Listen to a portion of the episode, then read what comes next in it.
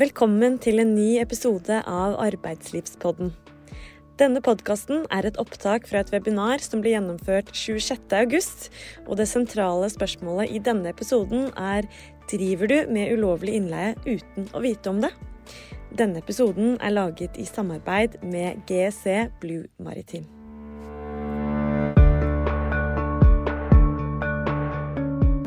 Dag så stiller vi spørsmålet driver du ulovlig innleie uten å vite om det. Mitt navn det er Elisabeth Solvang, er kommunikasjonssjef i ÅKP. Og så har vi altså med oss to av SENS sine arbeidsrettseksperter. Helt bortest så har vi jo Malin Stenseth, som er advokat i SENS. Hei, hei. Hei. Og så er det du, Maria Elena Kvalen. Du er da partner og advokat i SENS. Velkommen til det. Og så har vi også med oss en gjest. da, Jan Ove Hurlen, velkommen skal du være. Vi er veldig glad for at du ville komme og dele litt fra det, fra det virkelige liv om uh, denne problemstillinga her. Du er altså HR-manager i Vard. Uh, og du har jobba med uh, temaet innleie i ganske mange år, har du fortalt oss. Um, og dette er en daglig problemstilling for deg, ikke sant? Det er det. Så, eh, og det endrer seg hele tida. Så det er, det er et område som er mye forandring på til enhver tid. Ja. Alt etter det politiske miljøet. Da, så. Ja, nettopp. Og eh, det kan jo nevnes, for det er ganske mange av dere som eh, følger oss denne morgenen der ute. Og eh, kanskje dere brenner inne med spørsmål i løpet av sendinga. Eh, denne gangen så gjør vi det sånn at eh, dere må veldig gjerne stille spørsmål.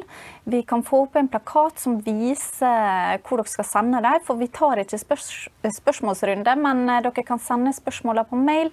Og da har altså Malin og eh, Maria lovt at eh, de skal eh, svare. Så eh, fyr av gårde hvis det er noe dere kjenner at dere har lyst til å spørre om eh, underveis. Og da tror jeg at vi begynner, rett og slett. Eh, dette her, eh, det eh, Først og fremst kan vi kanskje si hvorfor tar vi opp dette nå? Eh, og det er jo evig aktuelt, som han, Jan Ove sier her. Og mm, vi begynte jo serien med rekruttering, og nå snakker vi om innleie. Og Maria, er det, hva er innleie? Skal vi begynne der? Er det ansettelse eller ikke?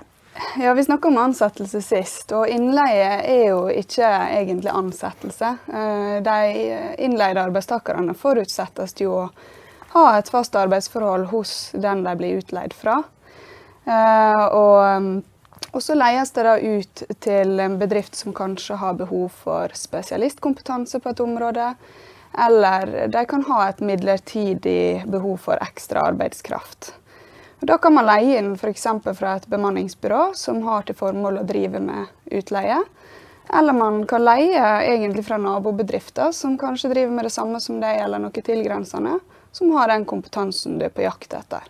Og det har jeg skjønt at dere gjør begge deler, mm, Jan Ove. Det, det gjør han. Det er jo alt etter hva type firma som eh, har ledig kapasitet til å avhjelpe et eh, midlertidig behov. Da. Mm. Så bransjen hjelper hverandre litt. Ja. Eh, men hovedregelen i norsk rett da, Malin, det er jo egentlig fast ansettelse, ikke sant? Det er det. Hovedregelen er at man skal ansettes fast, men så ser vi likevel at det er mange som benytter innleid arbeidskraft. og Grunnen til at vi vil ta opp dette temaet i dag, er jo at det i mange tilfeller er vanskelig å skille mellom det som vi kaller entreprise, altså det at du kjøper en tjeneste fra en annen aktør, og det som er innleie etter arbeidsmiljøloven sine regler. Entrepriser der er det ganske fritt frem, det er ikke regulert i arbeidsmiljøloven. Men med en gang man er over i det sporet som er definert som innleie etter arbeidsmiljøloven, så er det ganske strenge regler å forholde seg til. Og nå er det sånn at Fra juli 2020 så fikk Arbeidstilsynet utvida påleggskompetanse på å håndheve innleiereglene, og det varsler nå at Arbeidstilsynet vil føre ganske omfattende tilsyn i tida fremover. Så nå er tida inne for å gå gjennom alle avtaler og sjekke at man har alt på plass i henhold til regelverket. Ja, og dette her det er ikke sånn superenkelt eh, felt å eh, manøvrere i. ikke sant, Jan Ove? Du, du snakka også om at her er noen fallgruver her nå. Det, det er der. Eh, Du kan bli lurt. Eh, Du kan tro du gjør det rett. eh, Og de aller fleste ønsker jo å gjøre det rett, men eh, det er ikke dermed sagt at det er den du har inngått en avtale med, gjør det rett. Så du må passe på å følge opp eh, hele tida og kontrollere og sjekke. Og så en forsamtale her nå, så vet jeg at du nevnte også at det, eh, dette med enkeltmannsforetak, der også må man på en måte være våken. Det må han, for det er, det er helt spesielle regler på igjen. Da. Så det, de vil jo nevne eh, tre typer her. ikke sant? Og I tillegg så har du det med enkeltmannsforetak som eh, Og det å være oppdragstaker eller ansatt som eh, kan, eh, kan, påføre deg eh, kostnader i etterkant som du ikke var klar over kom i form av arbeidsgiveravgift og feriepenger. Og der Skatteetaten sier dette her, det var ikke, var ikke innleie, dette her, det var en skjult ansettelse. Så dette kan de bedre om. ja. Altså. Men hvordan vet vi da, Maria, hva, hva, kategori vi uh, har å gjøre med? Altså, er det innleie? Er det entreprise? Altså, vi kan jo starte da med hva, hva er definisjonen av, av innleie, eller utleie. Det, det, er definert i arbeidsmarkedsloven.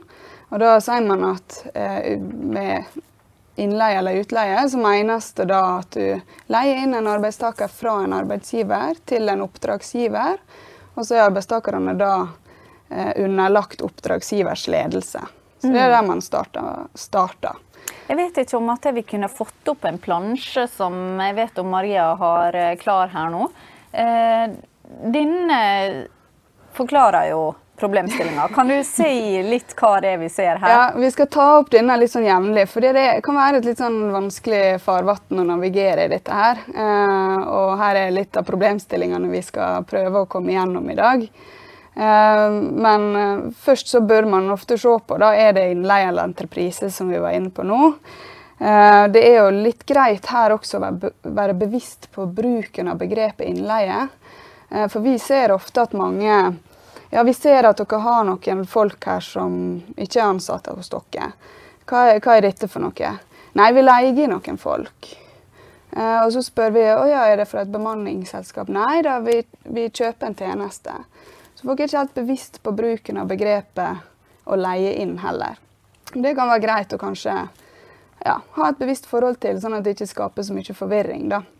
For gjerne så er det kanskje en entreprise man i hvert fall har meint å, å drive. da. Eh, så mm, vi, eh, vi kan jo ta det første først. Innleie eller entreprise. Der er det slått fast i rettspraksis at man eh, må foreta en helhetsvurdering, rett og slett. Det er ikke noen lovregler man kan slå opp i for å se om man driver med det ene eller det andre. Mm. Og man må se bl.a. på hvem er det som har ledelsen av arbeidet som utføres.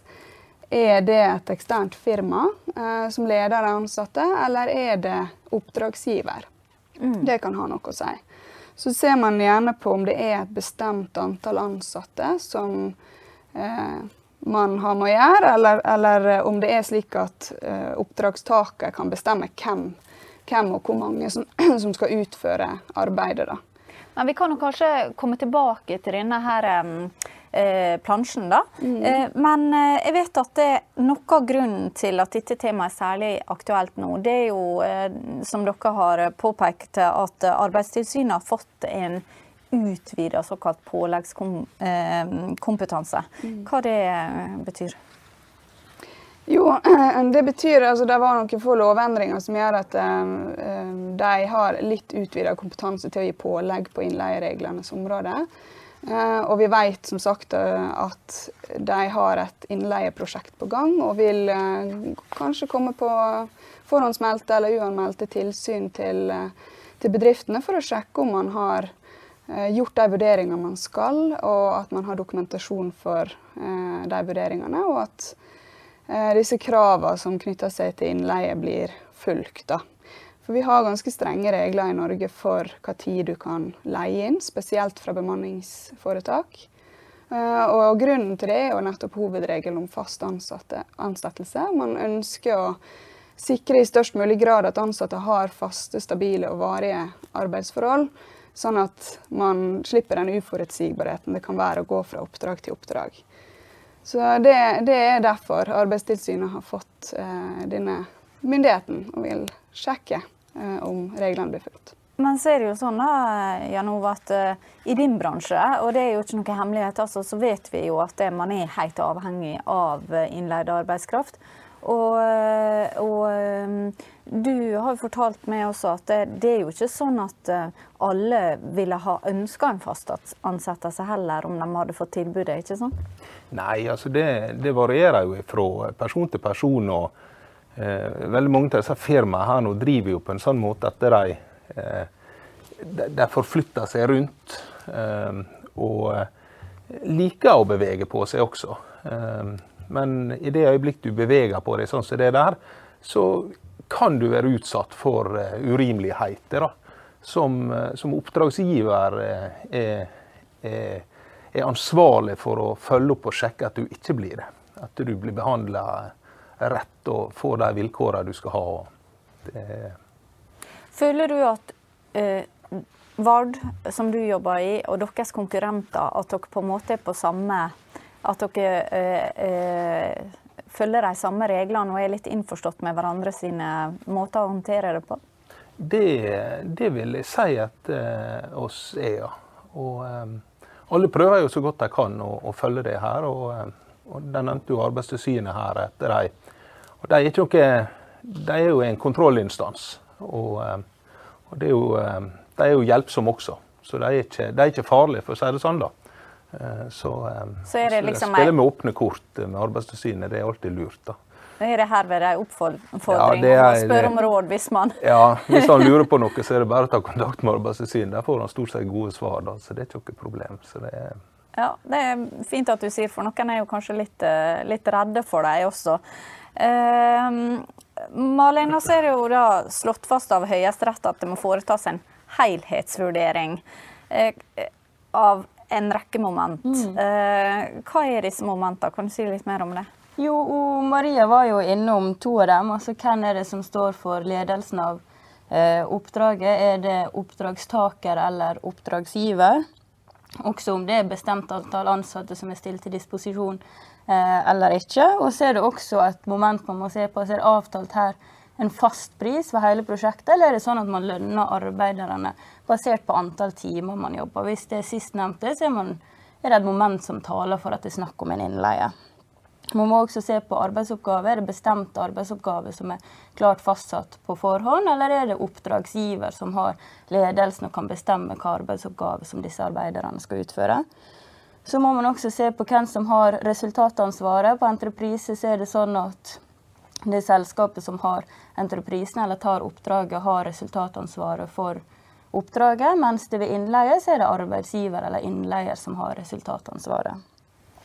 Aller sist må man også se på hvem som står for det nødvendige utstyret for å utføre oppdraget. Ved innleie, man tar inn arbeidstakere til seg, så er det arbeidsgiver og innleier som stiller det nødvendige utstyret til disposisjon for arbeiderne, mens det ved entreprise er det en ekstern aktør som også stiller med både arbeidere og utstyr.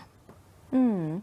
Så det, det, er ganske en sånn omfattende smørbrødliste her, da, Maria? Det er det, og det er greit å ha den i bakhodet. Og det er litt av de samme momentene egentlig som kommer inn når du vurderer om eh, du har å gjøre med arbeidstakere eller oppdragstakere, som Jan Ove var inne på i stad.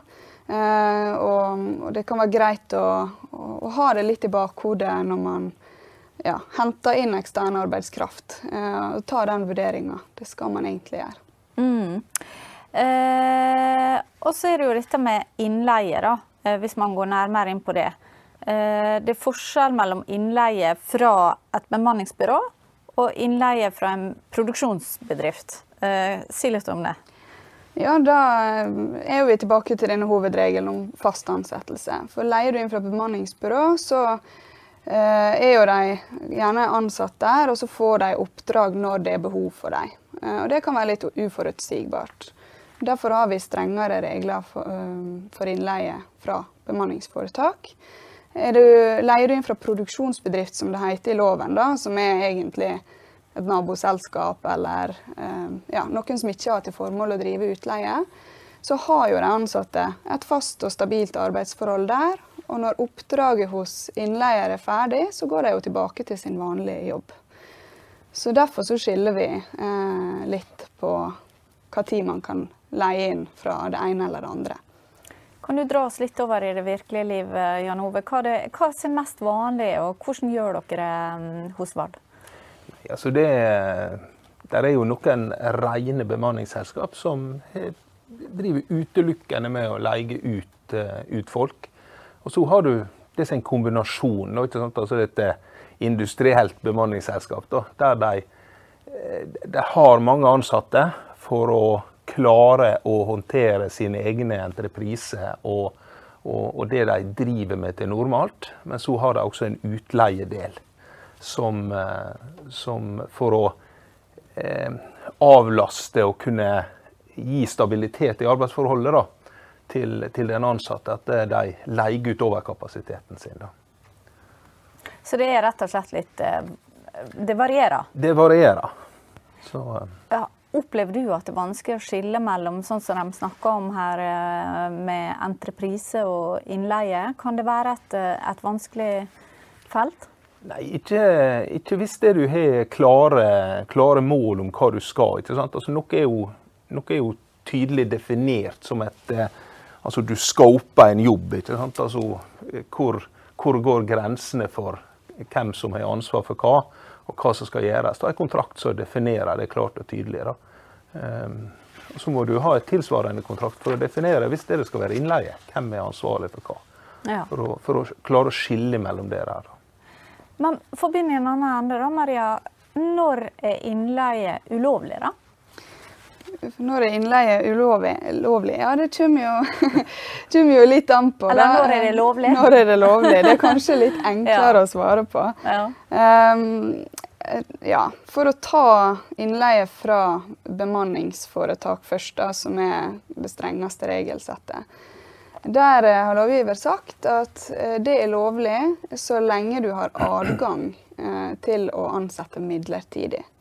Der har jo også arbeidsmiljøloven regler for når du har lov til å ansette arbeidstakere på midlertidig basis. De mest praktiske tilfellene er jo hvis du har et ekstraordinært og midlertidig behov for flere folk.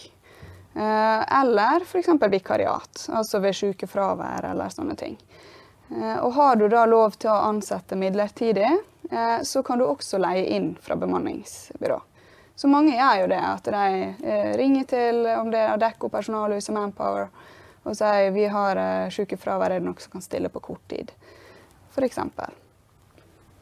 Ja, og eh, din bransje Jan Ove, er jo sånn at det, uten denne muligheten til midlertidighet, så hadde jo dere hatt store problemer. Ja, det er klart. altså Denne bransjen som oss er, der er det, det er veldig store topper. da. Og eh, hvis du skulle hatt eh, Hvis alle skulle ha vært fast ansatt eh, med oss, selv om vi sannsynligvis ikke hadde klart å få tak i så mange ansatte, så, så hadde det vært veldig ustabilt. Mm. Derfor så er, er dette her noe med bemanningsselskap og, og, produksjonsbedrifter som har en overkapasitet, viktig for, for, bransjen vår, sånn at den kan dekke det midlertidige behovet som er her. da. Mm. Men så er midlertidig ansatte det er noe annet enn vikarer, ikke sant eh, Malin? Eh, midlertidig ansatte, altså Vikar er en typisk midlertidig ansettelse. Men midlertidig ansettelse er noe annerledes enn eh, innleie. Altså Ved innleie så er ikke man ansatt hos den arbeidstaker eller innleie som man er innleid hos, men det har mye av det samme preget over seg, nettopp fordi at man ikke har noen fast stilling å gå tilbake til når vikariatet eller det prosjektet som man er innleid for, er over så er det greit å være oppmerksom på at utover de reglene for innleie fra bemanningsforetak som Maria nevnte, så har man en egen forskrift eh, om bemanningsforetak som bestemmer at alle bemanningsforetak som driver fast med utleie av arbeidstakere, skal være registrert, og man skal sende en melding om dette til Arbeidstilsynet. Og hvis man leier inn arbeidstakere fra bemanningsforetak og følger reglene for det i arbeidsmiljøloven, så kan det være ulovlig innleie hvis man da faktisk ikke har sjekka at det bemanningsforetaket man leier inn fra, faktisk er registrert. Ja, men så er det vel sånn at vikarer de skal erstatte noen som allerede er ansatt, ikke sant? Det stemmer. Ja, Mens man kan også drive innleie og få tillegg til de ansatte. Det er jo typisk hvis du har eh, noen større prosjekt som du ikke har nok folk til sjøl, eh, og du ser at dette er et, et prosjekt som kanskje vil vare et år, og, og, det blir vanskelig å ansette noen fast bare for det året. Eh, men så er det jo også sånn som jeg vil tro Vard eh, gjør. Eh, hvis du har fagforeninger med innstillingsrett i bedrifter, eh, organiserte medarbeidere, så kan du også leie inn lovlig fra bemanningsforetak gjennom en avtale med de tillitsvalgte. Det kan kanskje gjøre noe Ja da, det er, det er, du kan avtale. Du drøfter behovet, og så avtaler du med tillitsvalgte. Begge, begge typer type innleie, både fra produksjonsbedrift og, og bemanningsselskap, må drøftes eh, og avtales eh, hvis du, hvis du har det. Drøftes må det jo uansett om du har tariffavtale mm. eller ei, da etter lova. Så det er Det må må, det må prates om. Ja. Og bli enige om hva som skal gjøres. da. Og så vet jo vi alle sammen at en, et viktig moment eh, når man er både arbeidsgiver og arbeidstaker, det er jo nettopp dette med lønn. Eh, og hvordan er på en måte dette feltet der? Altså, når man er ansatt i et bemanningsselskap, så er jo man lønna av det. Betyr det at de kan lønne f.eks. lavere enn eh, de andre som jobber på samme verft sitt? Nei, her kommer jo likebehandlingsreglene inn. og Det er jo noe av det Arbeidstilsynet er inne og sjekker. Eh, der er krav til at eh, innleide arbeidstakere skal ha samme lønns- og i stor grad samme arbeidsvilkår eh, som de ansatte på den arbeidsplassen de er utleid til. Så kommer de inn til VARD, så skal de ha samme lønn som en i samme stilling eh, i VARD. Eh, så der er ikke det lov til å eh, gi dem dårligere vilkår, rett og slett. Det er jo kan jo være et sånt, det er et tema som har vært gjenstand for prøving i, i, retten flere ganger. For det er litt spørsmål om hva slags vilkår da. Er det bare vanlig lønn eh, og overtidsgodtgjørelse og ferie og sånne ting, eller er det også andre ting? Ja, og sånne ting da som eh, f.eks. at man blir innlosjert at man kanskje får eh, mat eh, og sånne ting. Altså, eh, blir det regna med i lønna? Om det blir regna med i lønna? Ja, det kan det jo for så vidt bli. Um, men, men, det er jo kanskje litt spesielt, i hvert fall hvis det kommer utenlandske arbeidere inn. Sånn, så blir det jo gjerne stilt litt krav til hva type innlosjering de skal ha. Mm. Um, og sånt, Det kan jo kanskje Jan Ove fortelle litt hvordan de gjør det i ja, praksis. Ja. Er jo, eh, dette er jo eh, mye diskusjoner rundt dette her, eh, i, både i bransjen og i, i fagbevegelsen. Hva, er, hva, hva vilkårene skal være. Um, og eh, veldig ofte så hører du om lokalt ansatte og utsendte. Og det er forskjell på å være lokalt ansatt. Vi er jo lokalt ansatt. Vi kan gå hjem til huset vårt, til rommet vårt, til senga vår. Ja. Vi er ansatt i et firma som holder til her. Men så har du de som kanskje jobber for et firma som holder til i Oslo eller i Gdansk eller eh, nede i Paris for den saks skyld, og er sendt hit. Og da er det helt spesifikke regler for hva de skal ha. Er det sånn at de kommer hit og så sier de ja, jeg kan, jeg kan gjøre en jobb, men jeg må få uh, husly, jeg må få Altså ha, har de uh, krav til dere? Eh, alt kan jo forhandles om, da. Ja. Eh, spørs det, ja. desperat dere. Det spør, ja, det spørs jo hvor attraktiv du er, da. ikke sant? Ja. Eh, så, og der er jo mange eksempler på, på, på lokale folk som ukependler til en fast jobb, kanskje i Oslo, ikke sant? der de må betale alt sjøl. Men er de attraktive nok, så får de dekka alt også. så, så dette, dette varierer. Ja, og dere forholder dere jo til innleid eh, arbeidskraft fra eh, hele verden, skulle jeg si. Eller i hvert fall nesten. da. Det, det er han. Eh, og det er jo også en av de tingene som er utfordrende. for det at det, Du kan også ha utenlandske bemanningsselskaper, du kan ha utenlandske produksjonsbedrifter. Så, ja, Hvordan forholder man seg da, Maria? Altså, disse Reglene vi snakker om gjelder jo for alle som driver med eh, utleie på norsk jord. Eh, så de må forholde seg til å sette seg inn i det regelverket vi har her. Og regelverket vårt er jo satt nettopp for å hindre useriøse aktører. Derav dette kravet som Malin var innom til registrering som bemanningsforetak. Og du, må, eh, du har en meldeplikt til Arbeidstilsynet årlig for at du oppfyller kravene. Så det er jo for å hindre useriøse aktører fra utlandet. Eh, vi har en del EU-direktiv vi må forholde oss til også, som skal, skal hindre for stor forskjellsbehandling for ja, ansatte. Men Malin, hvis det er sånn at bemanningsforetakene egentlig er, har arbeidsgiveransvaret, mm. og, og, de skal sørge for lik lønn for likt arbeid og alle disse tingene her, eh, hvorfor skal Jan Ove og andre i hans posisjon bry seg om det, for å sette det litt på spissen? Jo, altså Arbeidsmiljøloven er jo veldig arbeidstakervennlig. og For å sikre disse arbeidstakerne at de faktisk får lik lønn for likt arbeid og får det de har krav på, så er det regler som går på solidaransvar mellom innleier og utleier. Og Det innebærer at selv om det er bemanningsforetaket som i utgangspunktet er pliktig til å gi arbeidstakerne lønn, så hefter også innleier solidarisk for den samme gjelda som bemanningsforetaket. Og det er det det ordet betyr? Solidaransvar? Det betyr det. Da hefter man like mye for samme gjeld, begge parter, som innebærer at hvis arbeidstaker faktisk sett ikke har fått den lønna man har krav på fra bemanningsforetaket, så kan arbeidstaker kreve den lønna utbetalt direkte fra innleier.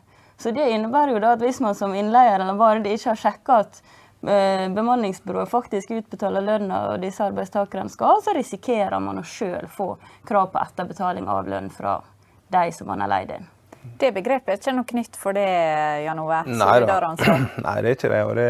og, hvis du ikke passer på det der nå, så når det kravet kommer, så kan jo hende den leverandøren er long gone, ikke kan eksistere lenger heller. Og da, da sitter du jo med Og du har, du har en viss tid på deg å, å betale dette her. Du kan sjekke det, og så må du bare løse det inn. Og det er klart du kan, eh, du kan jo kontraktuelt sikre at du kan, kan, holde igjen midler, du kan ta det tilbake hvis det er eh, sånn skjer. Men du kan ikke fraskrive deg solidaransvaret. Det er ikke mulig. Det, det vil du alltid ha. da.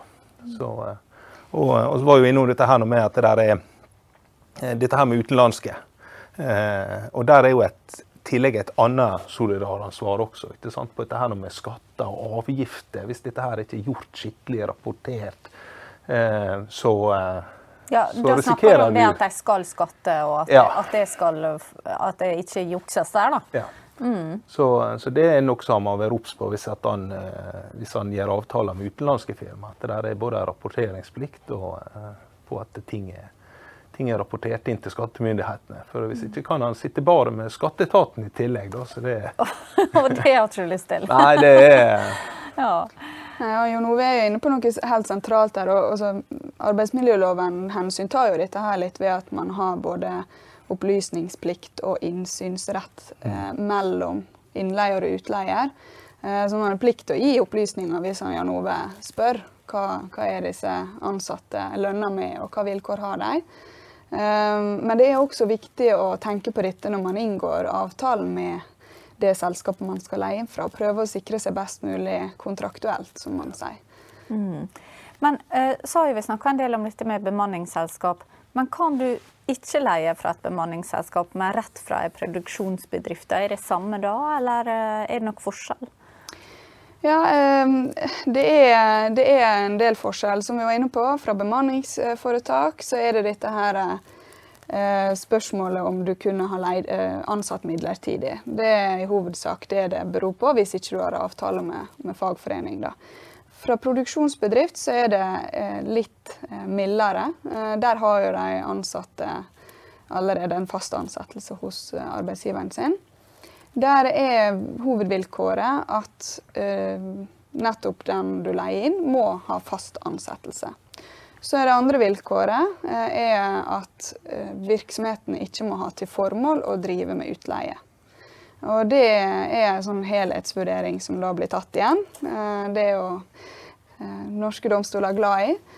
Men hovedpoenget er at utleie. Um, utleien må skje innenfor det samme området, fagområdet, som er da utleiers hovedbeskjeftigelse, som man sier.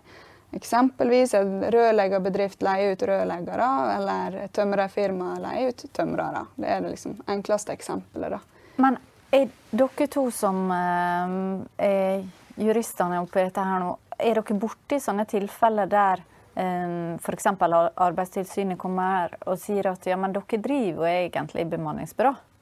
Og så ser de på seg sjøl som en produksjonsbedrift, eller er det det, det er nok flere som opererer litt i grenseland og ikke er helt bevisst på det. Sant? At det har bare utvikla seg over tid at de eh, ser at det kan være nyttig å leie ut en del folk. Eh, ikke sant? Og der har jo loven en grense. For at du ikke skal sies å ha til formål å drive utleie, så kan du maks leie ut 50% av dine ansatte. Eh, og hvis man ikke heller har helt oversikt her, så, så, risikerer man plutselig å være i realiteten et bemanningsbyrå.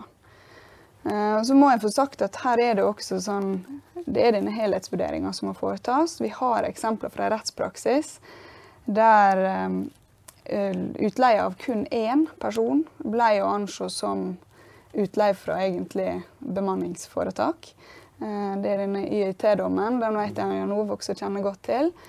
Um, her uh, var det vel egentlig Statoil som hadde misforstått. De trodde de hadde inngått en avtale om entreprise, og så var ikke det det.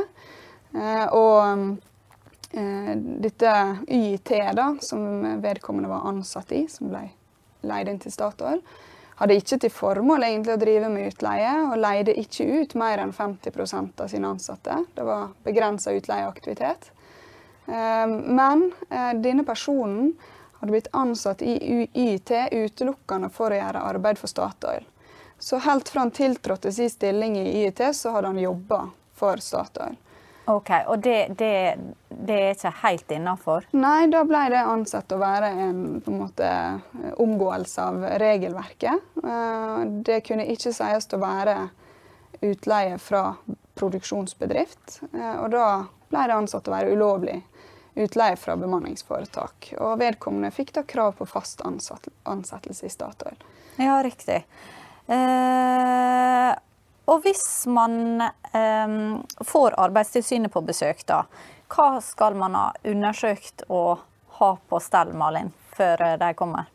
Nei, altså Vi har jo disse vilkårene eller kravene som Maria gikk gjennom. og Det som vi må få påpekt, det er jo altså veldig mange virksomheter så kan du gå inn og se på registerkode. altså Hva kode er de registrert med? Dette er registrert som et bemanningsforetak, noen som driver utleie eller ikke, eller er de ikke det? Eh, og så er det som du også nevnte, Elisabeth, at mange kan jo operere eller handle i den tro at man sjøl er en produksjonsbedrift, og at man ikke er bemanningsforetak. Uh, og da gjelder det for innleier, altså du som sitter der og skal shoppe arbeidstakere leie inn arbeidskraft, og ikke bare ta disse registerkodene eller det produksjonsbedriften sier for god fisk, men at man sjøl går inn og ser på er dette i realiteten en produksjonsbedrift eller er det et bemanningsforetak. Sånn at hvis Arbeidstilsynet da kommer på tilsyn, så kan man legge frem, vise at man har gjort vurderinger på at jo, dette her er et selskap som leier ut innenfor det som er deres hovedbeskjeftigelse, det de selv driver med. Og de driver ikke med utleie av mer enn 50% av personene. Og vi har også gjort undersøkelser på at de har drøfta utleie uh, før det er gjort.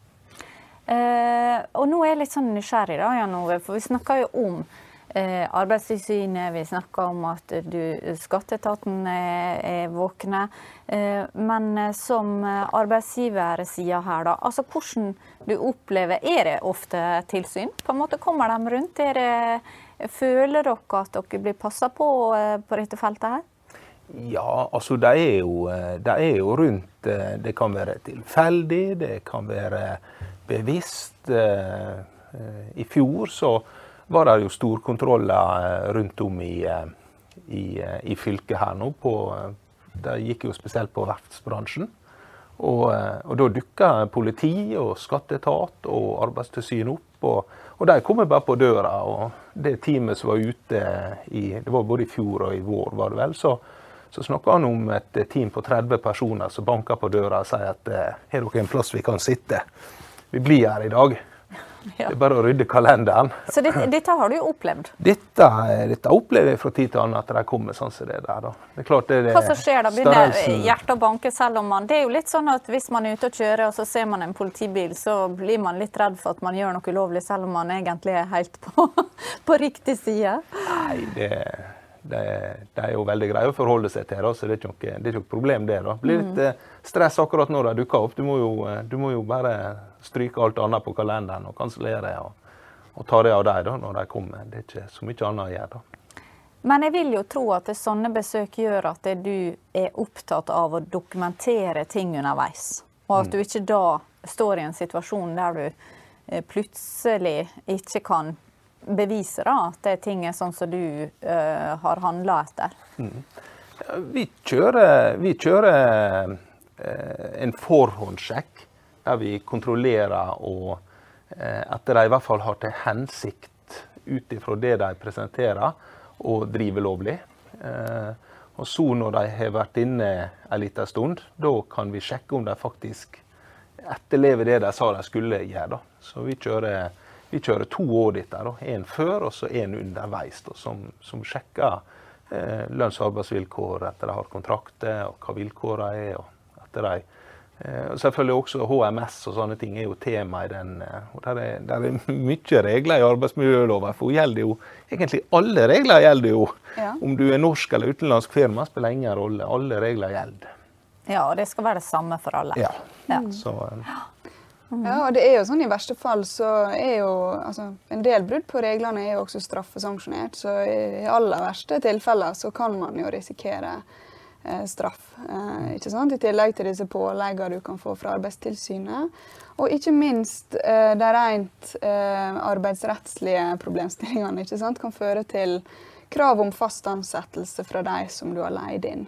Så her er mange utfall, dette her. Du ser jo han fra YIT som da krevde og fikk fast ansettelse i Statoil. Men det var arbeidstakeren sjøl som mm. på en måte krevde det. Mm. Uh, hva er det vanligste? Altså, Hvem er det som fremmer sak i disse sakene her nå? Er det arbeidstakerne, eller er det eh, byråer? Er det arbeidsgiversida? Nei, altså, vi, vi, ser jo flest av de sakene som gjelder forholdet mellom arbeidsgiver og arbeidstaker, eller da innleier og arbeidstaker. Eh, for det andre håndterer jo Arbeidstilsynet eller politiet eller skattemyndigheten. ikke sant? Uh, av og til så bistår vi arbeidsgivere også i de sakene og hjelper dem da med uh, å skaffe fram den dokumentasjonen som, som skal til osv. Men, men vi ser jo oftest de rene tvistene oppstår jo mellom kanskje en, en innleid arbeidstaker som, der oppdraget var ferdig, og så trivdes han kanskje veldig godt da, på denne arbeidsplassen. Eh, og vært der lenge og fant ut at det her er vi bedre. Eh, og finne ut kanskje om vi prøver, prøver saken. Vi ser jo også en, ganske mange av disse sakene som gjelder likebehandlingskravene. Altså like lønn, f.eks. Der har vi jo flere nye eksempler fra Høyesterett. At både spørsmål om bonusordninger Har en innleide krav på å være med i en bonusordning i bedrifter? Det, det var oppe så seint som i 2020 til, til Høyesterett. Eh, der kom man til at akkurat den bonusen som bedriften hadde, var eh, avhengig av resultat og arbeidsinnsats og ble ansett som vederlag for arbeid, derved lønn. Noe som skulle være likt for en innleid arbeidstaker. Og det er klart det kan være store kostnader for bedrifter som leier inn ganske mange ansatte, og ting går bra. alle dine Fast ansatte har krav på bonus, da skal også de innleide ha krav på den bonusen. Men man kan jo kanskje også snu om på denne problemstillinga, og kanskje i noen tilfeller oppleve at uh, de fast ansatte føler at de blir dårligere behandla enn ja, Jan Ove snakker jo om at det er på en måte markedet som styrer her, da. Og er man desperat etter arbeidskraft, så, så tilbyr man gode avtaler. Er det en problemstilling, Malin? At de fast ansatte sier liksom hm, får ikke de litt bedre enn, bedre enn oss? det, det, er jo en problemstilling. Vi kan ikke si det er en mer teknisk problemstilling. Også vi har jo dette her eh, vikarbyrådirektivet fra EU som er implementert i norsk rett, som skal sikre da de innleide minimum like gode rettigheter som de fast ansatte. Det er klart at Hvis man er skikkelig baut for arbeidskraft, og man trenger å legge litt ekstra gode forhandlingskort for å få innleide arbeidstakere til seg, så er det selvfølgelig lovlig da for arbeidsgiver eller innleie å betale innleid arbeidskraft bedre enn de fast Det er ikke noe øvre på en måte tak der. Du kan Nei. egentlig gjøre det så lukrativt du vil. Det kan du. Mm. Um, ja, uh, er det Har du opplevd det? ja, altså det, det er jo som sagt, det, det, Hvis du er lokalt ansatt, så de aller fleste har jo selvfølgelig eh, Han har jo ei gruppe som ikke bor her fast, men de er ansatt i et eh, firma og pendler inn. og er jo ikke berettiga hus og mat og reis og alt det her. da. Men de shopper og de går til de firmaene som tilbyr det her veldig ofte. Så gjør det at de ligger vesentlig over vanlige arbeidstakere som ikke har det, kanskje. Ja. Opplever du at de som shopper, som du sier, at de er bevisste på dette her? Ja, det tror jeg de er. Mm. De vet hva verdi de har, og hva de kan kreve? Ja. ja. Uh, og så har dere, dere har jo vært litt inne på altså, uh, Offentlig myndighet har diverse sanksjoner, men hva kan skje? Hva kan skje om man bryter disse reglene her nå? Ja, Vi har jo vært litt inne på det. Eh, du kan få pålegg fra Arbeidstilsynet. Og hva innebærer det? Altså, hva størrelsesorden snakker vi om her? Vi snakker ikke nødvendigvis om bøter, men det kan være at du først får et pålegg om at ulovlig innleie skal opphøre. Du kan bli pålagt å sørge for drøftinger med tillitsvalgte hvis du ikke har det i orden. Du kan uh, bli pålagt å sikre likelønn. Og da må du være forberedt på at du må komme tilbake og vise at nå har vi gjort opp det vi eh, Ja. Eh, nå har vi gjort opp solidaransvaret vårt, f.eks. Så der er, der er ganske mange ting, egentlig. Alle de eh, reglene som Arbeidstilsynet håndhever, kan de gi pålegg på. det. Og hvis man da ikke følger disse påleggene, da? De kommer jo og sjekker, da. Hvis det ikke er fulgt opp, hva som skjer da? Jo, da kan du vente bøter, og du kan vente straff på en del av reglene hvis man ikke følger dem. Mm. Mm. Uh, ja. Uh, så var vi inne på dette her med uh, utenlandsk arbeidskraft, som dere er veldig vant til, og eh, kontra norske. Og egentlig grunnregelen, sånn som jeg skjønner dere, så er det sånn at det, de, alle skal behandles likt. Ikke sant, Malin? Det skal man, og man har jo disse Maria nevnte én dom. Vi har jo også en dom fra Høyesterett fra 2018 som egentlig går enda lenger enn denne dommen på bonusordning. Det var en arbeidstaker som var utleid fra Manpower til Statens vegvesen. Han skulle jobbe primært i Tønsberg, men måtte da i likhet med de fast ansatte jobbe enkelte dager i Larvik, og fikk da en økt reisevei.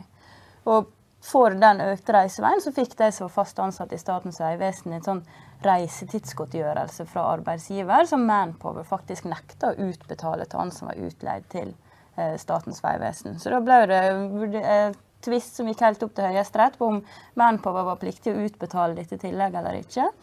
Og Da knesetter virkelig Høyesterett etter prinsippet lik lønn for likt arbeid, og sier da at i realiteten så får han mindre utbetalt enn de som er fast ansatt, og det er i strid med eh, likebehandlingsprinsippet, til tross for at det her ikke var snakk om en sånn eh, resultatbasert bonusordning som var i den andre dommen. Det var ikke faktisk sett vedlag for arbeid, men likevel da så knesetter man denne likebehandlingsprinsippet. Og det tar jo oss også litt tilbake til det vi snakka om tidligere i dag, med innlosjering av arbeidstakere og sånn. og da kan man si, altså Dette var jo en konkret vurdering fra Høyesterett, men det går jo i den retning da at selv om det å dekke mat eller det å innlosjere arbeidstakere, hvis man gjør det for fast ansatte, selv om det ikke kan defineres som lønn, så kan man altså være pliktig til å gi også det til de som da er innleid.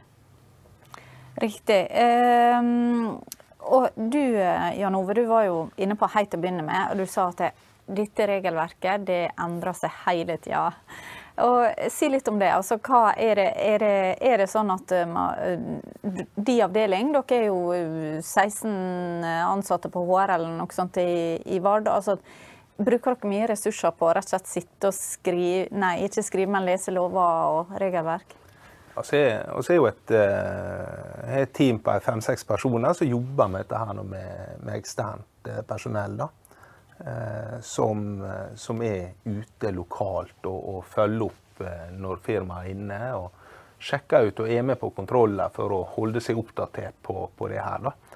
Men, men dette det forandrer seg. ikke sant? Altså, Eh, vi er jo også underlagt eh, allmenngjøring, da. Som er en annen, eh, tilleggssak. Hva hva det innebærer det? Det er, da har myndighetene allmenngjort deler av en tariffavtale. eh, og sagt at det minstelønn er sånn, reise, kost, losji, bortetillegg. Ja, det er Ja. minimumet. At det skal, skal dekkes opp. da. Eh, og, eh, og, så det vi må jo passes på. Dermed solidaransvar. så eh, så vi, eh, vi jobber hele tida med det der. ikke sant? Og, og, og, der endrer det seg.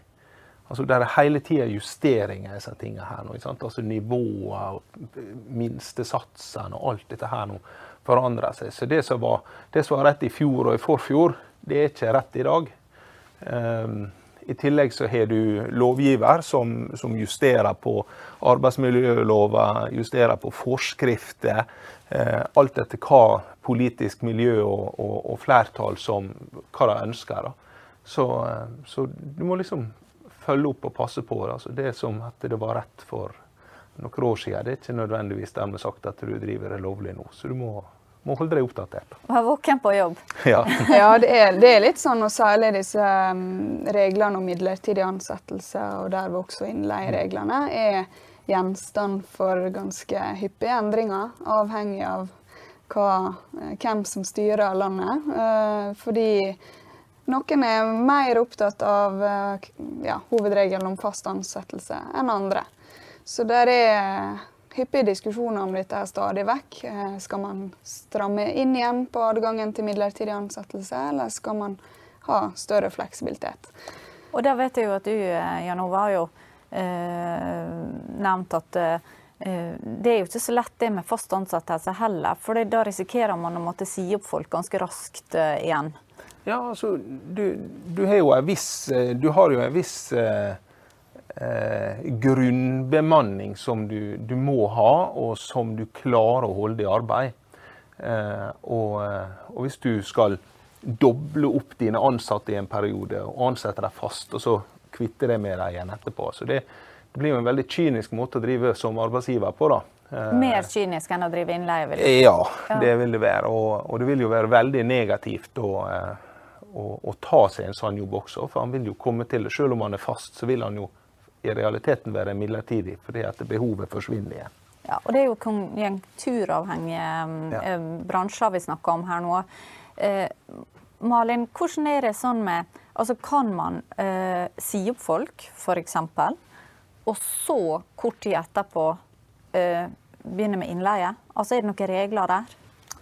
Altså man kan jo, hvis vi snur litt på det, man kan jo først leie inn eller ha behov for innleie, og så i stedet for, sånn som Jan Ove nevnte, eh, ansette fast, altså hvis innleiereglene blir ytterligere skjerpa, så kan man da etter man har gjort flere nye faste ansettelser, komme i situasjon hvor man får nedbemanningsbehov, og hvor man kan foreta den lovlige nedbemanningsoppsigelsen.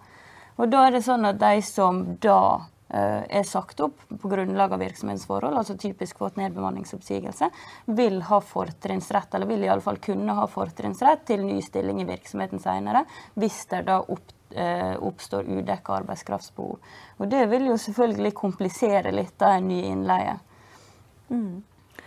Eh, Jan Ove, du er jo en erfaren HR-arbeider, for å si det sånn. Altså, eh, har jobba på dette feltet i eh, 15 år, vel, i hvert fall. Eh, hva som har endra seg? Hvordan du syns at feltet har eh, forandra seg på disse åra her? Nei, altså, der har jo vært mer, eh, er jo blitt mer kontroll, da. Eh, og, eh, og striktere regler. Eh, i, I starten så var det jo, eh, var det jo bare den her eh, utleie fra produksjonsbedrift som var der i, i lova. Eh, og så kom vikarbyrådirektivet. For vår del så kom jo allmenngjøringa i en rekke bransjer. Det er åtte-ti forskjellige bransjer som er, er allmenngjort. Men så kom der vikarbyrådirektivet, som er implementert i arbeidsmiljølova igjen eh, for å håndtere det i Norge.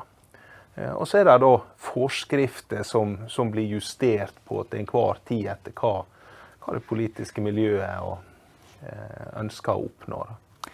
Ja, Maria, hva, kan du bekrefte det han sier? Altså, har det blitt på en måte en, en, et litt bredere regelverk og kanskje uh, mer tettere oppfølging også av regelverket siste åra? Ja, altså Arbeidstakervernet generelt blir jo sterkere og sterkere. Eh, Det blir det.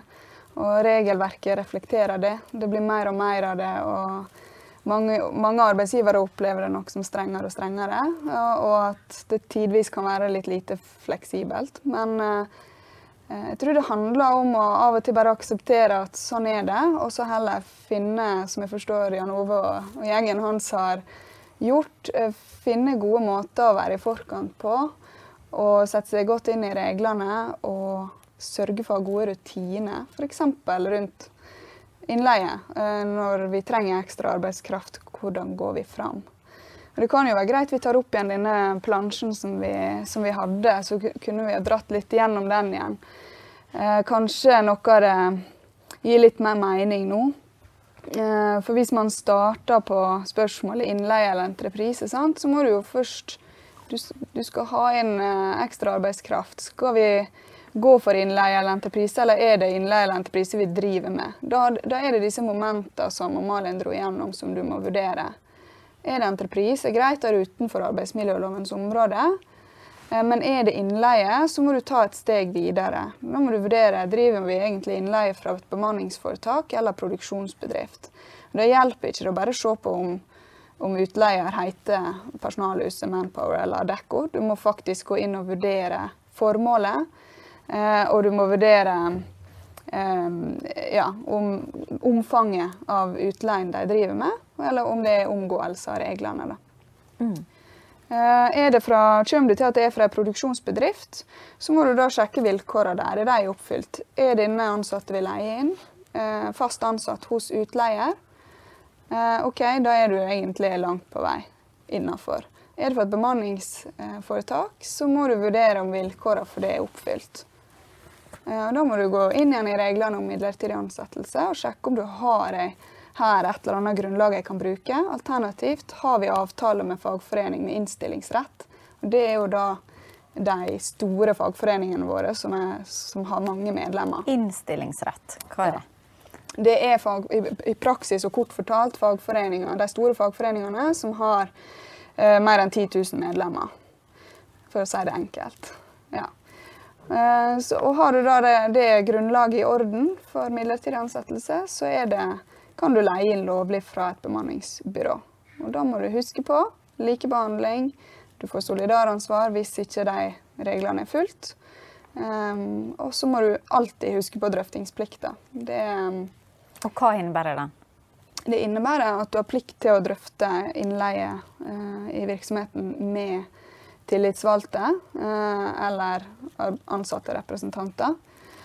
Det, det, er jo ikke bare nødvendigvis at du skal gjøre det av hensyn til at loven bestemmer det, men det handler rett og slett det kan sikkert Jan Ove bekrefte, det handler om å ha en god dialog med sine faste ansatte på hvorfor vi gjør dette her, hva er grunnlaget, Eh, og, og, få en forståelse av eh, behovet man har for å leie inn ekstra folk. Opplever du det, Jan Ove? Ja, altså, det, er jo, det, er jo, informasjon og medvirkning. Da, at, det, at er ansatte gjennom enten en, en ansattrepresentant eller en tillitsvalgt er informert om hva som, hva som skjer i bedrifter. Altså, det er jo ting som påvirker deres arbeidshverdag. Altså, plutselig ser de en fremmed kjeledress på, på gulvet.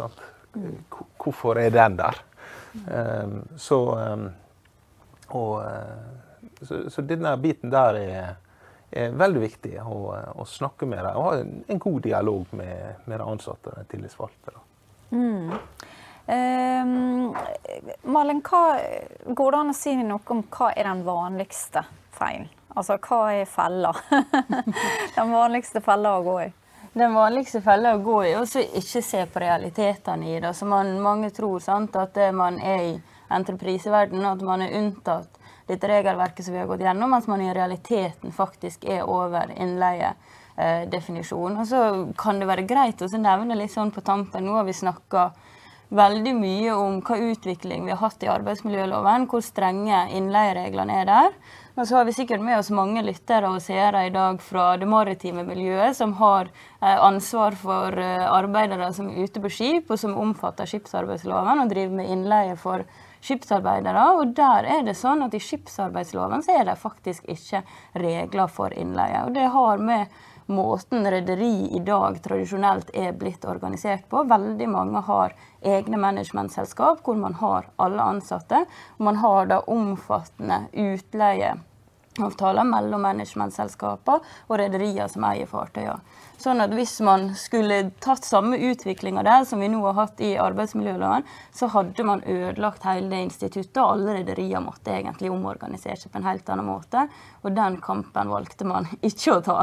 Men hvis man skal se glasskula, da, eh, tror dere at eh, at det kommer, eller eh, er det noe gjemning, eller er dette en Det er det er Er det enighet siden. om det? Det er ikke så lenge siden det var vurdert. Eh, sånn at eh, man sier ofte at skipsarbeidsloven henger litt etter arbeidsmiljøloven på en del ting. Når det kommer nye regler, er det varslingsregler eller hva det er, så henger det kanskje litt etter i skipsarbeidsloven. Men akkurat dette temaet om, om det skal settes eh, strengere vilkår for innleie, det, det har vært vurdert. Eh, og ja, konklusjonen var at det er, det er ikke plass for de typer reglene der nå.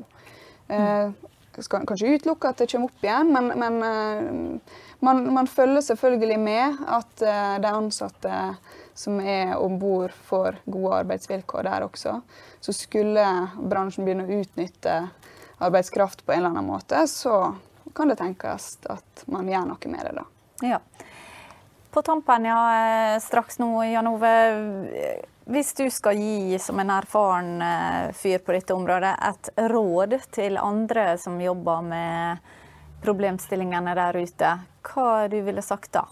Nei, altså Det må Det er viktig, det, det som vi var inne på dette her nå med å, å drøfte og vurdere altså Du må gjøre disse vurderingene eh, av behovet. Eh, hvorfor og hva og hvordan. Eh, og drøfte det med, med ansattrepresentanter eller tillitsvalgte før du, før du gjør det her. Hvis det er snakk om et bemanningsselskap, så må du også sørge for dette her med likebehandlinga. Eh, og, eh, og da er ikke det sånn at Nei, men vi har ikke noe kameramann, vi. Så da kan han få hva som helst slags lønn.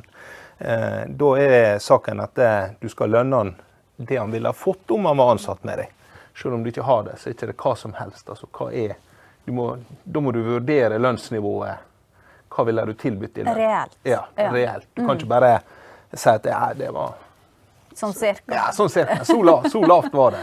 ja. Bare for å, for å unngå en kostnad. Da skal du vurdere opp mot alle andre stillinger hva du faktisk ville lønne vedkommende. Mm. Og så er dette her å sjekke eh, eh, at du vet om det er et bemanningsselskap eller ikke. Om, eh, om at det er en produksjonsbedrift. ikke sant? Og, og som vi var inne på, at du kan jo sjekke det i bransjekoder og hva de er registrert som. Men det i seg selv er ikke nok. Det er en indikasjon, men du må også se på hvordan de faktisk, faktisk driver. Ja, eh, Maria eller Malin, eh, er det noe dere brenner inne med og føler en må få sagt eh, nå på tampen? Vi advokater liker jo alltid å avslutte med dokumentasjon. Det er jo det er alltid viktig å sikre seg. og Jo, jo bedre kontroll du har fra start, eh, jo enklere er det også når eh, tilsynet måtte komme. Eh, hvis du kan dokumentere og legge fram lister når de ber om det. Kan vi, hvis Arbeidstilsynet kommer og du leier inn fra bemanningsbyrå, så vil de be om kan vi få en liste over alle du har leid inn siste året, siste året eller siste to åra. Eh, og så, så ha, Sørg for å ha disse oversiktene. Og hvis da du har sagt at vi har leid inn fordi vi har hatt en del sykefravær, eh, vi har leid inn vikarer, da vil jeg spørre ja, hvem har hatt fravær. Da vil jeg ha oversikt på det. Og hvem er leid inn i deres sted. ikke sant? Så du må sørge for å dokument, kunne dokumentere alt dette her og, og ha god oversikt, rett og slett. Ja, for da kan ikke du bare liksom ansette en helt annen type folk, da. Jo, da, det, det kan du, men du må kunne vise at eh, selv om det var eh, Per var syk, eh, og han hadde én kompetanse, så kan det hende det er noen andre internt som kan fylle hans sko mens han er borte. Men så oppstår det et behov da et annet sted. Eh, så det, det går fint. Eh, men du må kunne påvise at det har sammenheng med, med noen sitt fravær, hvis du skal bruke vikariat som, som grunnlag. da. Veldig bra. Da skal jeg henvende meg litt til eh, alle dere der ute som ser på. Håper dere har fått morgenkaffe og ikke minst kunnskapspåfyll nå her sammen med oss. Eh, tusen takk til Maria og Malin og eh, Jan Ove for at dere var med her i dag. Og så skal jeg nevne at dette er jo en serie, arbeidsforholdet fra A til O, som vi har altså sammen med Sens advokatfirma.